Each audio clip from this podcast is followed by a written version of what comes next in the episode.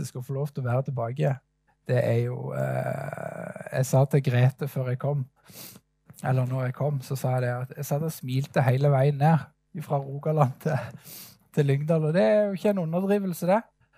Det er fantastisk å få lov til å komme hjem.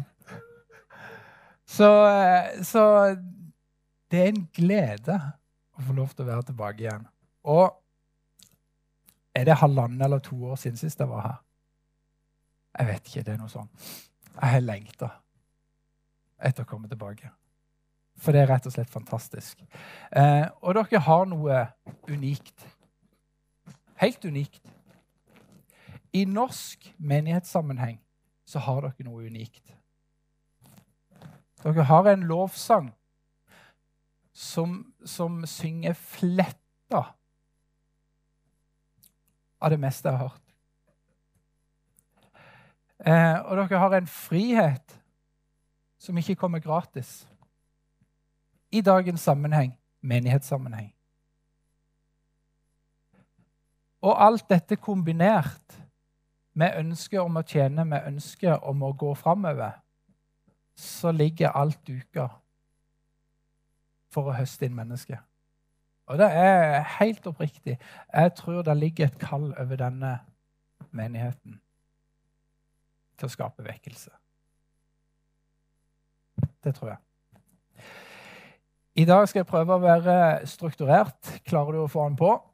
Eh, jeg skal tale kanskje litt uventende, men jeg skal prøve å dra gjennom dette så godt jeg kan. Og så får du som kjenner at det sanksjonerer hjertet ditt, du får ta det. Og du som på en måte tenker ah, er dette til meg, bare slapp av. Bare sitt og nyt. Og så blir det nok noe til alle uansett. Eh, men jeg skrev en sånn en liten tekst. Jeg var veldig i tvil på hva jeg skulle skrive. Men jeg skrev Har livet eller noen svikta det? Livet er livet, eh, og folk er folk.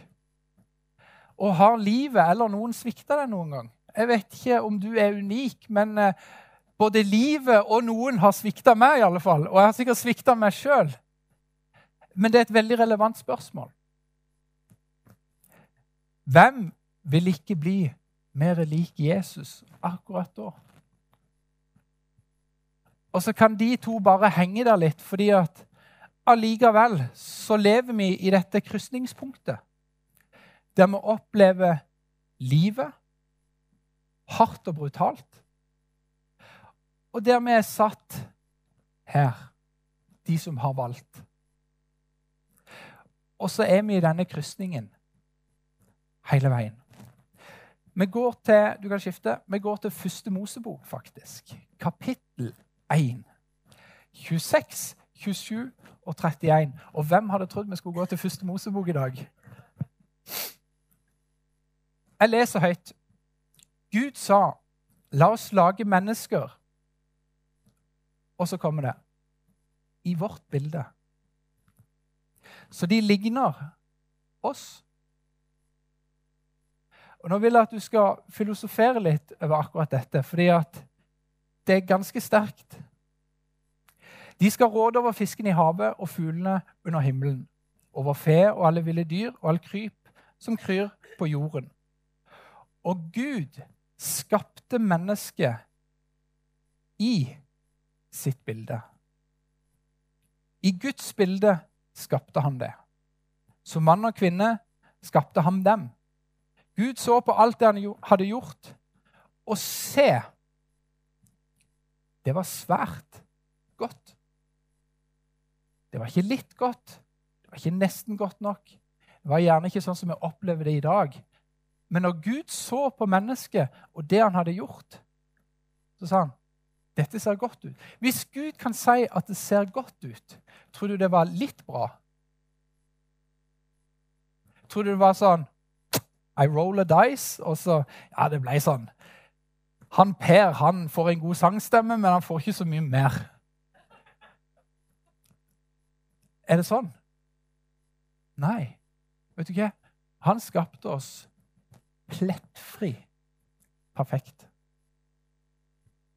Uten en form for skrammel. Ikke én.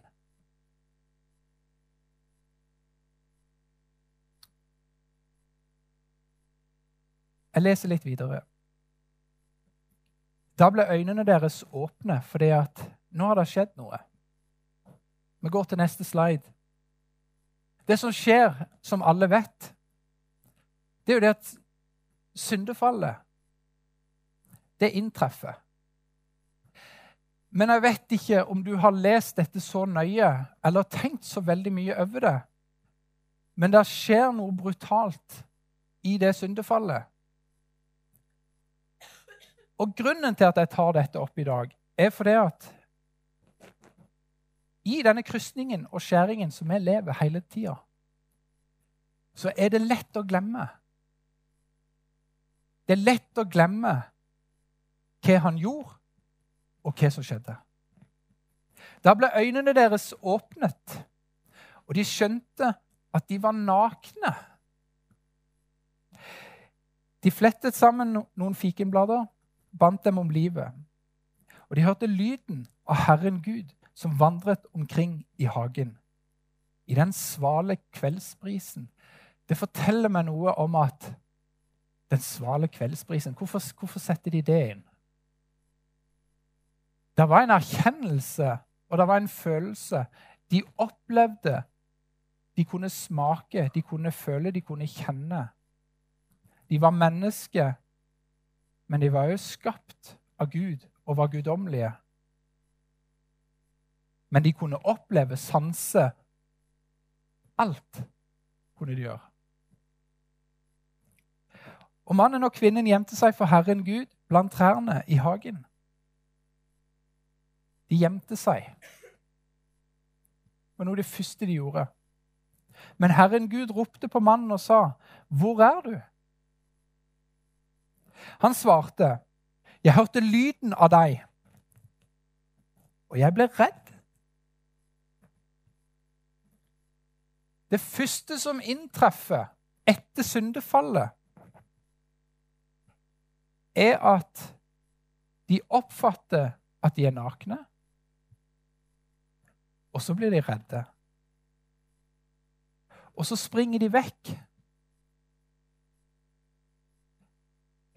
Det første menneskelige som entrer mennesket, det er at du blir redd. Du springer vekk og gjemmer deg. Og du vil vekk ifra Gud.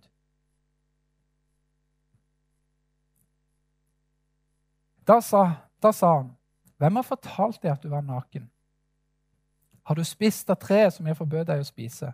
Mannen svarte, Kvinnen som du ga meg, som jeg var sammen med, hun ga meg av treet. Her kommer det bare ei rekke av på en måte menneskelige trekk som bare svart på hvitt forteller oss hvor ble vi plassert i løpet av brøkdel av et sekund. Så den, den første reaksjonen til Adam det var å selvrettferdiggjøre seg sjøl og plassere skylda en annen plass.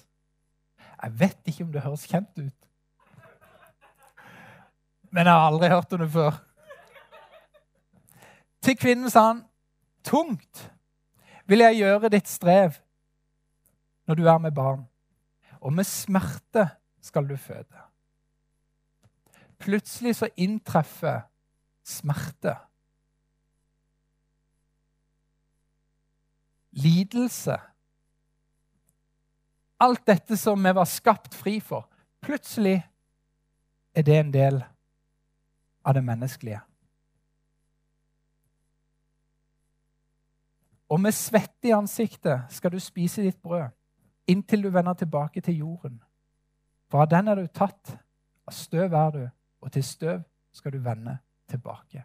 Og plutselig inntreffer døden. Som et resultat av valget Adam og Eva gjorde med å spise eplet eller frukten. Hvis vi går ett hakk videre, så ser vi at resultatet av fallet, det er frykt Det er selvsentrerthet. Og vi løper bort ifra skaperen. av skyldfølelse. Vi er selvrettferdige. Vi opplever smerte, og vi opplever sykdommer. Og til slutt så inntreffer døden. Vi mister òg noe annet. Vi mister den nære, intime relasjonen med skaperen vår. Og vi mister den skapte og tiltenkte identiteten som ble gitt der og da, når vi ble skapt. For det er en identitet som i stor grad jeg opplever er litt mista. Og, og når Gud gjorde noe i mitt liv igjen, så er det den tiltenkte og den skapte identiteten som han hele veien fører meg tilbake til. Fordi at den er med å forme og endre alt i forhold til hvordan vi tenker. Det som ofte skjer med folk, det er at vi møter gjerne Jesus, og vi tar gjerne imot. Men vi slår leir her. Og så camper vi der og bor der.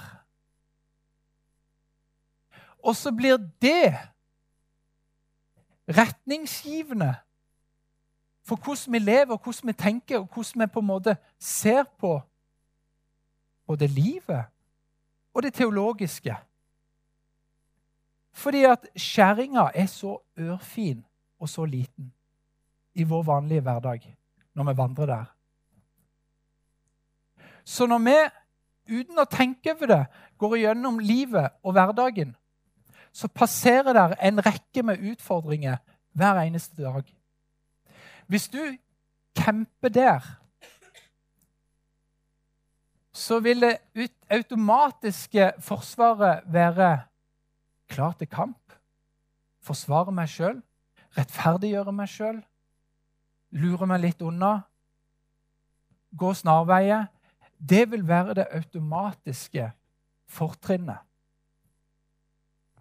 Det vil være valget du gjerne velger. Og så glemmer vi så fort hva Jesus, eller hva Gud skapte gjennom Jesus når han sender sin sønn og gjenerobrer hele skaperverket i løpet av det han henger på korset, og i det han dør på korset. Så viktigheten gjennom det Jesus gjør på korset, det er jo selvfølgelig det vi leser Du kan ta neste slide. I Efeserne 2, 1-10, der Gud gjenoppretter alt. Og vi skal lese det, for det er superviktig. Dere var en gang døde på grunn av misgjerningene og syndene deres. Bare tenk på syndene som fallet og det som inntrer etter fallet. Det er jo det at vi får den naturen som djevelen sto for. Den blir implementert i vårt Kall det natur. Så får vi den naturen. Dere levde i dem på nåværende verdens vis og lot dere lede av herskeren i himmelrommet. Den ånd som nå er virksom i de ulydige. Altså den ånd som på en måte florerer og lever og er prega av det som vi nettopp så av alle de punktene. Ja, vi levde alle en gang som de. Vi fulgte lystene våre. Eh, vi fulgte lystene i vårt eget kjøtt og blod og lot oss lede av det og våre egne tanker. Vi var av naturen vredens barn. Vi som de andre. Men Gud han er rik på barmhjertighet. Fordi han elsket oss med en så stor kjærlighet at han gjorde oss levende med Kristus. Gud har altså gjort oss levende med Kristus. Og det er verdt å stoppe to sekunder og tenke over hva han egentlig skriver. For hvis han skriver at vi er blitt gjort levende med Kristus. Hva innebærer egentlig det? Kristus bor i oss. Vi er blitt levende i Han. Men det harmonerer overhodet ingenting med de punktene som vi nettopp så. Eller med at jeg blir syk, eller at du blir syk, eller at du går gjennom en skilsmisse, eller at du opplever at kollegaene er stygge med deg, eller et eller annet. Det harmonerer ingenting med at jeg er i Kristus, og Kristus sier meg. Hva er det som skjer? Hvordan kan jeg være i denne verden? Og oppleve de vanskelige tingene jeg opplever, og gå igjennom det. Mens hele veien så er det så vanskelig. Fordi at jeg opplever noe annet til å være sannheten. For, for på en måte det vi opplever, og det du tror på, det oppleves som en sannhet. Så hvis hverdagen din og de punktene er sannheten i livet ditt, så blir òg troa, utførselen og utgangen av livet du lever, blir prega av det.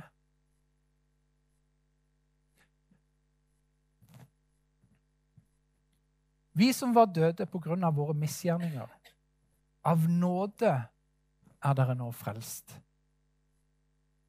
Så altså Frelsen er kun av nåde. Så er vi da bortkomne, eller vi er avslått i forhold til syndefallet, og så oppretter Gud gjennom Jesus en nåde der vi får lov til å komme helt ufortjent inn til Han og bli ett med Kristus.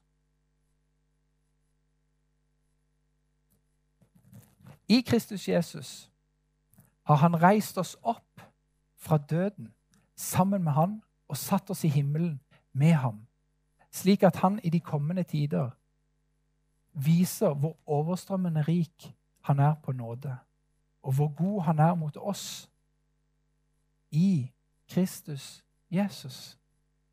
Altså Gud er fantastisk god mot oss. Men i Jesus Kristus Vårt forhold til Gud den er kun gjennom én ting. Den er kun gjennom Jesus. Det eneste kontaktpunktet som ligger mellom oss og den Gud vi tilber, og som vi ser så høyt opp til, det er kun gjennom Han. Det er kun gjennom Sønnen og det verket og av nåde. For du ble frelst av nåde når du ikke tenkte på Han engang. Og så kommer jo tanken Ja, men jeg trør jo hele veien feil. Fordi at de punktene blir som en sånn en hemsko og så faller jeg alltid. Og tendensen jeg ser i Guds menighet i dag, er det at langt på vei så stoler folk mer på de punktene enn det de faktisk stoler på Guds ord. For det er vanskeligere å tro det du tilnærmet ikke kan se, enn å tro det du hele veien føler og går på og møter i hverdagen. For det er veldig realistisk. Men å tro noe annet, at du har blitt en annen skapning, og at du har fått et nytt menneske, og du er blitt omgjort til noe annet Det er vanskelig å forstå. Det er vanskelig å tro. Fordi at det føles ikke alltid sånn. Og jeg er en veldig følsom person. En meget følsom person. Og jeg vil tørre på å si at det vanskeligste i min kristen vandring har vært å deale med følelsene mine. Fordi at en følsom person vil veldig lett kunne føle seg fordømt. Veldig lett. Når Gud møter meg på nytt igjen, og når jeg får lov til å kjenne Guds rettferdighet, så inntreffer et punkt i historien, i øyeblikket, der jeg ser Guds rettferdighet krystallklart. Og fra det punktet Jeg pleier alltid å si å oppleve Åndens dåp, det var fantastisk. Det var en himmelopplevelse. Men å se Guds rettferdighet og få det blodet malt foran øynene dine, og du bare visste og du bare vet, uansett hva du går igjennom, så er du like rettferdig. Uansett. Kanskje noe av det mest eh, nødvendige og det etterlengta og det trengte i Guds menighet, etter min forstand, er at kristne får lov til å se hvem de har blitt. Fordi at hvis Guds menighet globalt i verden hadde fått åpenbaringen og kunnskapen om hvem de var blitt i Jesus Kristus, så hadde det ikke tatt veldig lang tid før de fleste hadde vært frelst. Det er min påstand. Fordi at det skjer noe med den kunnskapen som flytter deg over ifra å være basert på det gamle mennesket og det falne mennesket, og at det er retningsgivende for alle valgene du tar, til at når kona skjeller deg ut med kjøkkenbordet, så ser du på oss og sier hun, så kan du si Ja, jeg hører hva du sier. Vet du hva? Tilgi meg. Jeg gikk feil akkurat der. Det var ikke riktig. Det er en banal sammenligning. Men, men når Gud griper tak i livet ditt, så gir han deg evnen og kunnskapen og lysten til å forfølge hans sitt kall til helliggjørelse. Sånn at du faktisk begynner å leve i tro med det Bibelen og det livet Jesus formulerte. For noen av oss tenker vi at Jesus var en fin mann. Han levde ekstraordinært.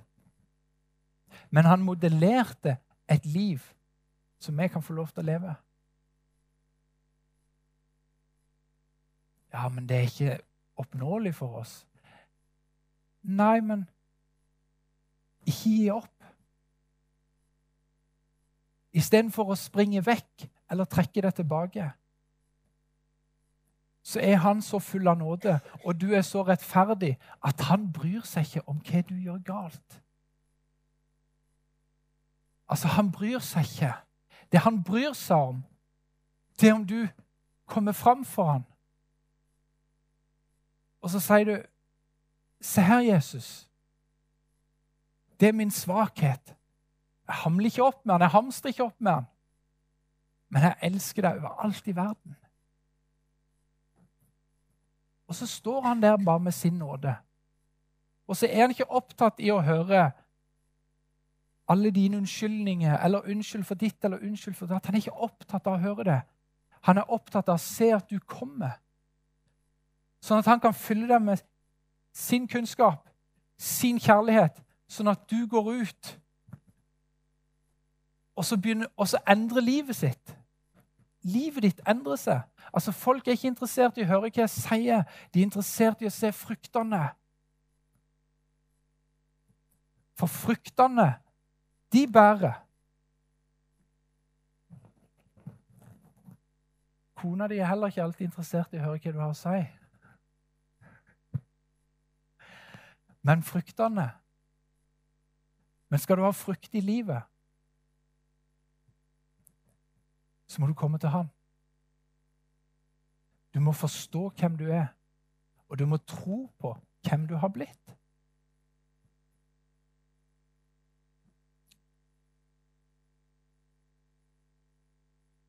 Slik ville han i de kommende tider vise hvor overstrømmende rik han er på nåde, og hvor god han er mot oss i Kristus Jesus. For av nåde er dere frelst, kun ved tro. Du er ikke frelst pga. at du er så flink. Du er ikke frelst fordi at du har vært i menigheten så og så lenge. Du er ikke frelst fordi at du på en måte ditten eller datten. Du er kun frelst av tro. Paulus er klokkeklar av tro. Så når du føler at du går på en smell, og når du føler at du gjerne ikke var frelst lenger, så har det ingenting med sannheten å gjøre.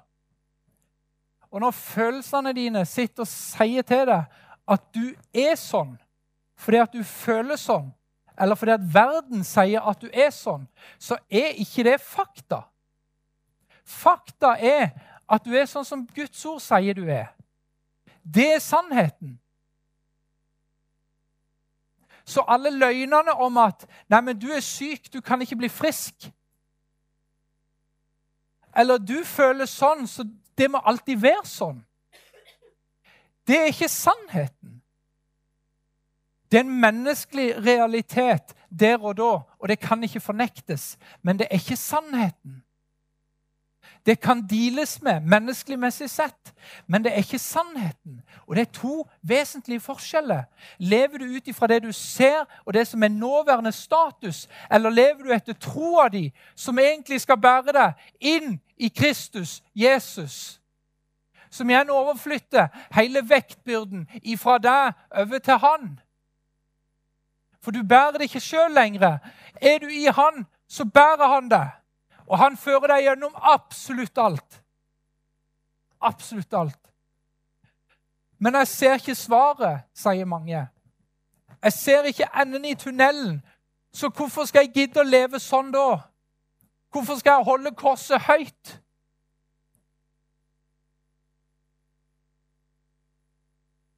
Og så gir folk opp.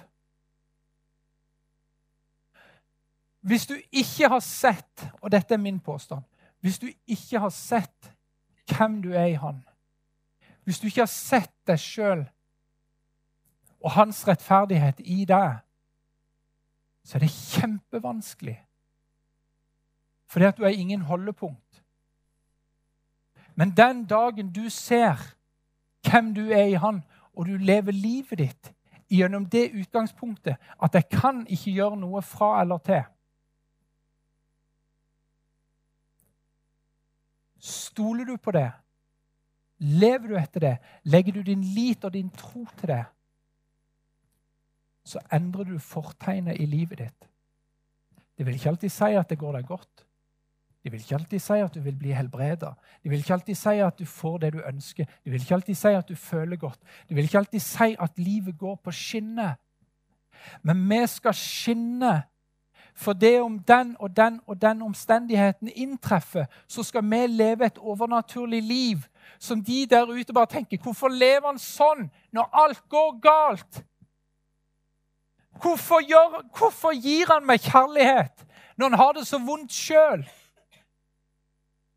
Hvorfor, hvorfor, går de den ekstra mila med meg når de sjøl har det vanskelig? Det er å leve i tro. Det å leve i Han. Og der gir Han styrke. Der gir Han kraft. Der opplever du det kosmiske, unike, der alt endrer seg ifra å være menneskelig til å bli guddommelig.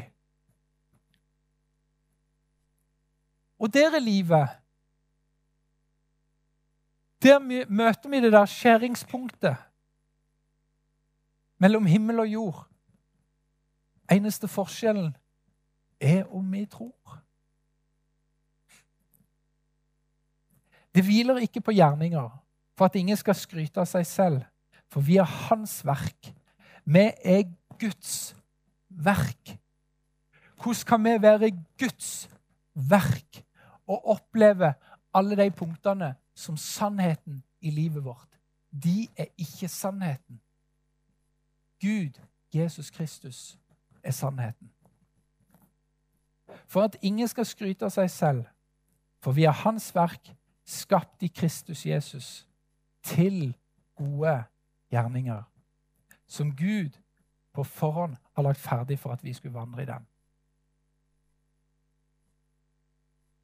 Han har lagt de ferdig for oss. Alt ligger i Jesus Kristus. De gode gjerningene. Alt ligger der. Kilden er der. Neste slide. Å høre om Guds rettferdighet, det er Bare skrev det sånn. Men det, det, er halve, det er halvdelen av sannheten. Når du aksepterer Veldig viktig. Når du aksepterer at hans rettferdighet er din rettferdighet, så starter det ei helt ny tid. For om du ikke ser han, eller føler du har fått en åpenbaring om han, så må du tviholde på den til den sannheten en dag bare blir din sannhet.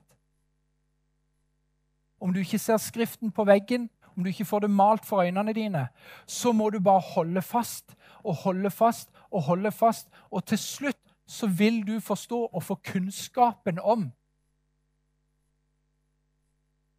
at hans rettferdighet, den er større enn alt. Absolutt alt. Fordi at Hvis den rettferdigheten kan være større enn den før du var frelst, så er den større når du har fått Kristus innplenta i livet ditt. Og som kristne så er dette en skjult sannhet, en skjult skatt, som er så vanskelig å gripe hånd om, men allikevel så viktig. Og så kan du jo bare tenke Den skapte identiteten vår. Den gikk vi gjennom helt i starten fra første Mosebok. Vi er skapt Guds bilde. Alt det det innebærer. Det var sånn vi var tiltenkt. Så kan du tenke på neste spørsmål. Hva er egentlig din identitet? Hva baserer du spørsmålstegnet i livet ditt på? Etter hvordan dagen din er, hvordan du følte når du våkna? Når du hadde fått morgenkaffen din, når du kikket ut vinduet og det fremdeles var regn? Er det det som baserer hvor god dagen din er? Eller er det fordi at Guds ord sier at alt er perfekt? Hvordan kan, hvordan kan Kristus bli din identitet? Neste slide. Eh, klokka.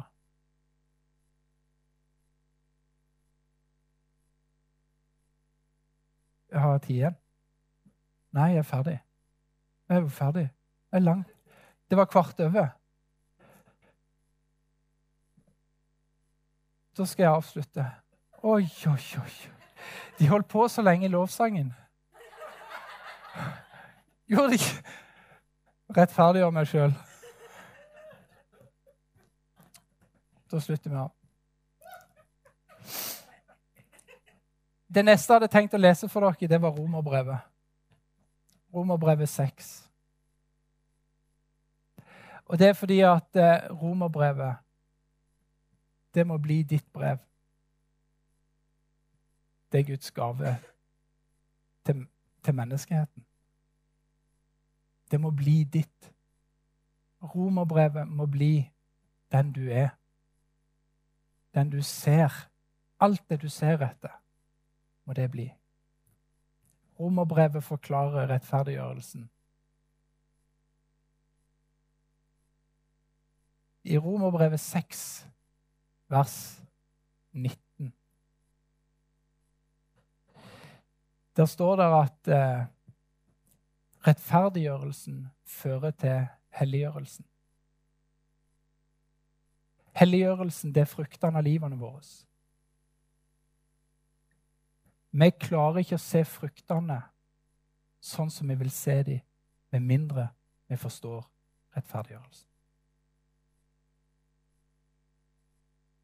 Romerbrevet 6, vers 19. Kjære Jesus, jeg takker deg, far, for det at du er midt iblant oss. Jeg takker deg, far, for det at du skal styrke oss. Du skal forme oss og danne oss. Og jeg takker deg, far, for at denne sommeren skal bli en sommer der vi får lov til å kjenne deg mer, der vi får lov til å leve etter alt det du har for oss.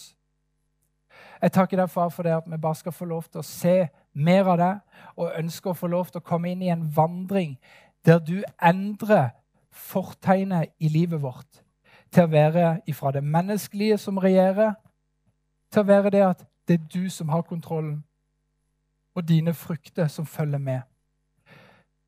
Herre, velsign denne menigheten. La din ånd bare få lov til å virke i dem, og la oss få lov til å se mer av deg, far. I den Herre Jesu Kristi Nazareans navn. Amen. Amen.